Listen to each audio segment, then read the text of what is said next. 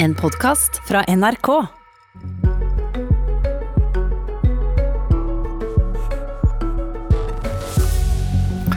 Det er farlig mye pengebruk i politikken, advarer sentralbanksjefen. Det var vel ei hilsen til regjeringspartiet Høyre. Og det kan bli farlig om det blir for mye politikk i pengebruken, advarer han da han snakka om oljefondet. Det var vel ei hilsen til Ap-lederen. I Politisk kvarter studio i dag har vi sentralbanksjefen, Høyres leder i finanskomiteen på Stortinget og Arbeiderpartilederen. God morgen, sentralbanksjef Øystein Olsen. I går kveld holdt du din tiende tale, årstale som sentralbanksjef. En god årstale fra en sentralbanksjef skal jo ha sine formaninger og advaringer. Du peker, som vi har hørt på i dag tidlig, at det er mangel på vekst i privat næringsliv, og at den offentlige andelen av økonomien er blitt for stor. Hva er det som har skjedd? Jeg vil starte med din innledning, som er helt korrekt. En beskrivelse av årstallen hvor det, jeg tror det forventes. Og vi legger også litt vekt på å, å, å dykke ned i noen problemstillinger og se på noen utfordringer for norsk økonomi, særlig når vi ser fremover. Og i den, den sammenheng så er ikke det primært ment som formaninger, men, men, men, men, noen bekymringer for hvordan utviklingen går når vi ser videre fremover. Jeg vil legge til Det går veldig bra i norsk økonomi. Vi, har bak oss en vanske, ganske vanskelig periode etter oljeprisfallet i 2014. Det, nedgangen, som jeg sa i talen, ble, ble ganske mild eh, av ulike gode grunner. Det hadde dels med økt pengebruk over offentlige budsjetter å gjøre. Vi hadde handlingsrom i pengepolitikken, og vi hadde en kronekurs som virket som en støtdemper, og som har bedret konkurranseevnen for konkurranseutsatt eh, næringsliv. Så, så langt så er det grunn til å være godt fornøyd. Og, og, norsk økonomi har kommet seg opp igjen, og det er god vekst. Og det er også god vekst i sysselsettingen. Men, men når vi ser fremover. I lys av at vi ikke lenger, når vi ser lenger frem, kan, være, kan regne med at uh, oljesektoren, oljeinntektene, uh, gir oss samme stimulans som tidligere. Og vi kan ikke stole helt på at den store finansformuen som vi har i utlandet, forblir akkurat like høy. Vi må ta høyde for at det kan komme en reaksjon.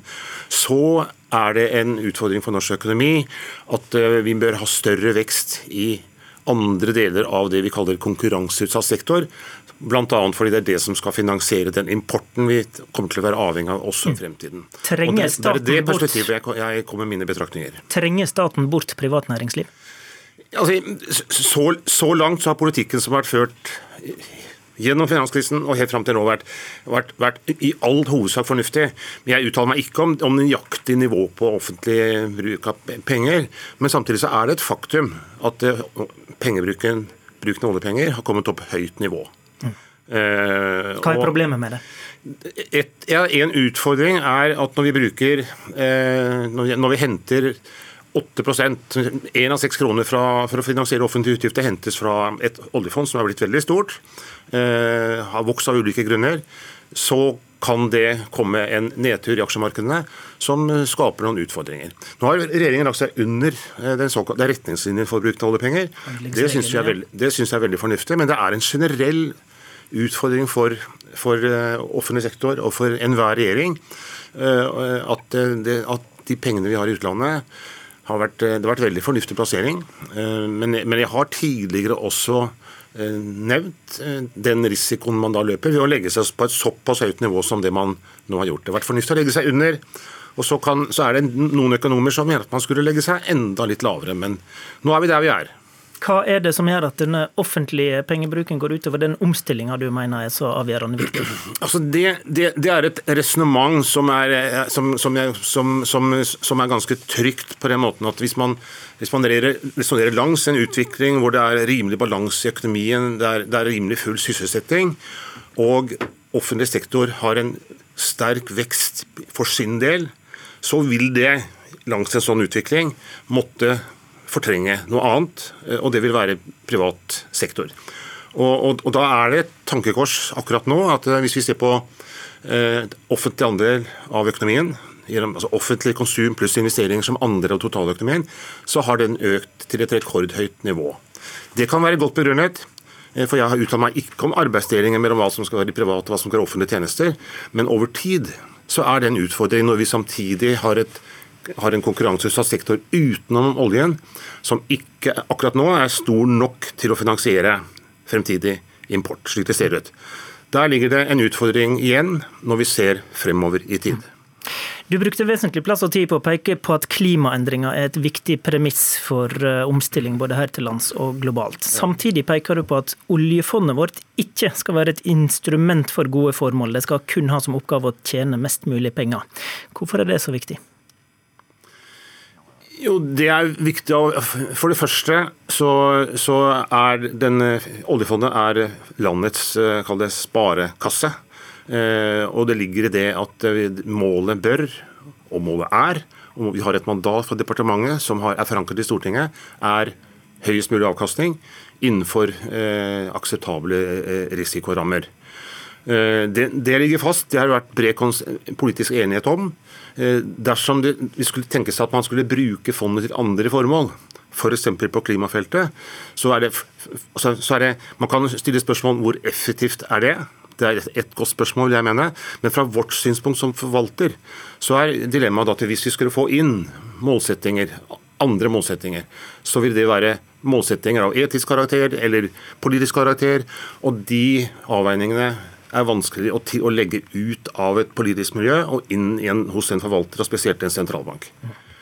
Regjeringa har økt oljepengebruken med rundt 100 milliarder. Eh, Arbeiderpartileder Støre her har omtalt oljefondet som en politisk redskap. Var det du sa en budskap som er retta inn til regjeringa, og en som er sikta på Arbeiderpartiet? Nei, vi, for, vi, vi, fordeler ikke bus, mulige budskap og signaler på den måten i det hele tatt. Jeg gjør ikke det når, jeg, når vi lager en tale. Men det er, det, er, det er, hensikten, og jeg tror det forventes også, at vi peker på noen utfordringer for økonomien. Særlig når vi skal, når vi skal se, se, se, fremover i tid. Da har eh, du eh, gjort det, så sier vi takk til deg der, Øystein Olsen. Så går vi videre til Mudassar Kapur fra Høyre. Etter endringene i regjering er du ny leder i finanskomiteen på Stortinget. Velkommen til Politisk kvarter. Takk. Siden 2014 har offentlig konsum og investeringer vokst til rekord. Hvorfor er det med Høyre-regjering at dette har økt så voldsomt? Eh, siden vi tok over, så har vi jo gjennomført en rekke store satsinger. Eh, og Felles for disse satsingene har vært at vi ønsker å legge til rette for fremtidig økonomisk vekst. Vi har bygd ut et eh, veinett, store offentlige investeringer i infrastruktur, vei, nettopp for at næringslivet skal kunne eksportere sine varer. Vi har eh, satset på forskning, utdanning. Disse tingene har vi brukt penger på for å styrke Norge for å møte den fremtidige omstillingen og den omstillingen vi er inne i. Men, Men så har sentralbanksjefen helt rett i at Fremover nå så er det viktig at eh, vi holder kontrollen på de offentlige utgiftene, effektiviserer pengebruken vår, f.eks. gjennom Nye Veier, jernbanereformen, eh, AB-reformen, eh, som vil spare oss for 17 milliarder over ti år. Så Dette er ting vi er klar over. Vi har hatt en perspektivkonferanse tidligere i uken hvor vi har pekt på at olje Inntektene kommer til å gå ned. Vi må ha flere bein å stå på. Derfor må vi øke okay. yrkesdeltakelsen. Det var programerklæringa. Men uh, mange av de tingene jeg snakker om, er jo da uh, Arbeiderpartiet imot, så det får vi høre litt om. Vi får høre Ap-leder eh, Jonas Gahr Støre. Bør uh, staten og den offentlige andelen av økonomien ned i omfang? Det er ikke noe mål i seg selv. Det er jo hvordan samfunnet utvikler seg, og at vi skal ha råd til å finansiere den velferden og de jobbene og den omstillingen vi trenger. Men deler du Olsens bekymring? Eh, det jeg deler bekymring med, er at jeg tror ikke vi bruker godt nok penger på et veldig viktig poeng i Olsens tale som han ikke nevnte nemlig nå, nemlig at andelen av oss som jobber, går ned. Andelen menn som jobber, går ned. Eh, vi lå på topp i verden i yrkesdeltakelse for 15-20 år siden. Vi faller på det. Og Olsen sier en veldig interessant setning her. Verdien av nordmenns arbeid er viktigere enn alle naturressursene, av alt utstyret vi har og alle penga vi har. Og det at det går ned, det forteller meg at regjeringen bruker for mye penger på at folk er utenfor arbeid, til at de kommer inn. Gjennomfører skole, ikke blir uføre, får stått i arbeid. Og Der gjøres det ikke nok, og det kommer til å være et problem for oss. Kapur. Dette er ikke en helt korrekt gjengivelse av dagens situasjon. større. Det siste året, altså I nasjonalbudsjettet så står det at det siste året har blitt skapt 50 000 nye jobber. 40 000 av de i privat sektor. Vi fortsetter inkluderingsdugnaden med å få flere av de som står utenfor arbeidslivet inn. Men det er nå engang slik at hvis vi skal få flere inn i arbeid, så må vi begynne med en del av de grunnleggende elementene. Vi må få flere gjennom utdanningsløpet, vi må få flere integrert, og vi må også bruke pengene på de store løftene. Det er derfor vi tar ned skatter og avgifter for bedriftene, skaper gode konkurransevilkår, slik at de får skapt de arbeidsplassene. Dere har styrt i snart sju år, eh, og du må ta ansvar for at disse tallene har falt. I alle andre land rundt oss så stiger yrkesdeltakelsen. I Norge har den ikke gjort det. Norge Dette er et et veldig alvorlig fenomen. Knalltøff nedgang i oljeprisen. Vi tok oss igjennom den. Optimismen er tilbake. Arbeidsledigheten er bedre enn på ti år, og det har blitt skapt 50 000 i arbeidsplasser. Og så er det, og så er det det andre tallet, eh, programleder, det er jo det at denne utenrikshandelen som eh, Olsen peker på, det at vi går går i underskudd utenfor olje, men om noen år så vil vi jo selv med oljen kunne gå i underskudd. Det viser jo det at vi ikke klarer å skape de jobbene, den inntekten, inntekten fra industrien, arbeidsplasser fra industrien, fra sjømat, fra havet. Der trengs det et stort løft, og jeg tror vi kommer til å trenge en virkelig debatt om industripolitikk, næringspolitikk, som kan skape de arbeidsplassene som etter hvert kan ta over for den veldig lønnsomme oljesektoren, som kommer til å få mindre betydning. Kapur, kunne det vært eh, noe som var med på å eh, forandre andelen av det offentliges eh, innslag i økonomien? Det som Ja, altså, jeg skal gi, større rett i at vi må ha en debatt om nye ben vi skal stå på. Eh, Både hvordan vi, gjennom hvordan vi bruker de offentlige midlene, ved å effektivisere, lage nye måter å jobbe på. F.eks. Nye veier i jernbanereformen. Der syns jeg dere burde støtte oss istedenfor å være imot. Men vi må også legge til rette for nye næringer. og Derfor er det jo denne satsingen på forskning, utdanning, som gjør at vi kan utvikle fremtidens eh, talenter og ressurser. Og gå inn i f.eks. det grønne skiftet gjennom ny teknologi, sånn som vi gjør på skipsfarten, aluminiumsfabrikken eh, til Hydro. Dette er jo fremtidens næring som vi er på sida med, men da må de også ha rammebetingelser, sånn at de vet hvor de skal de neste ti åra. Så går vi til dette med mm, styring av oljefondet, eh, der eh, sentralbanksjefen var opptatt av at dette eh, fondet skal ha et mål, nemlig avkastninga. Støre, du fikk mye kritikk da du på Zero-konferansen i høst sa at vi måtte venne oss til at oljefondet er en politisk redskap. Føler du sentralbanksjefen snakka til deg i går? Ja, Han snakket til mange.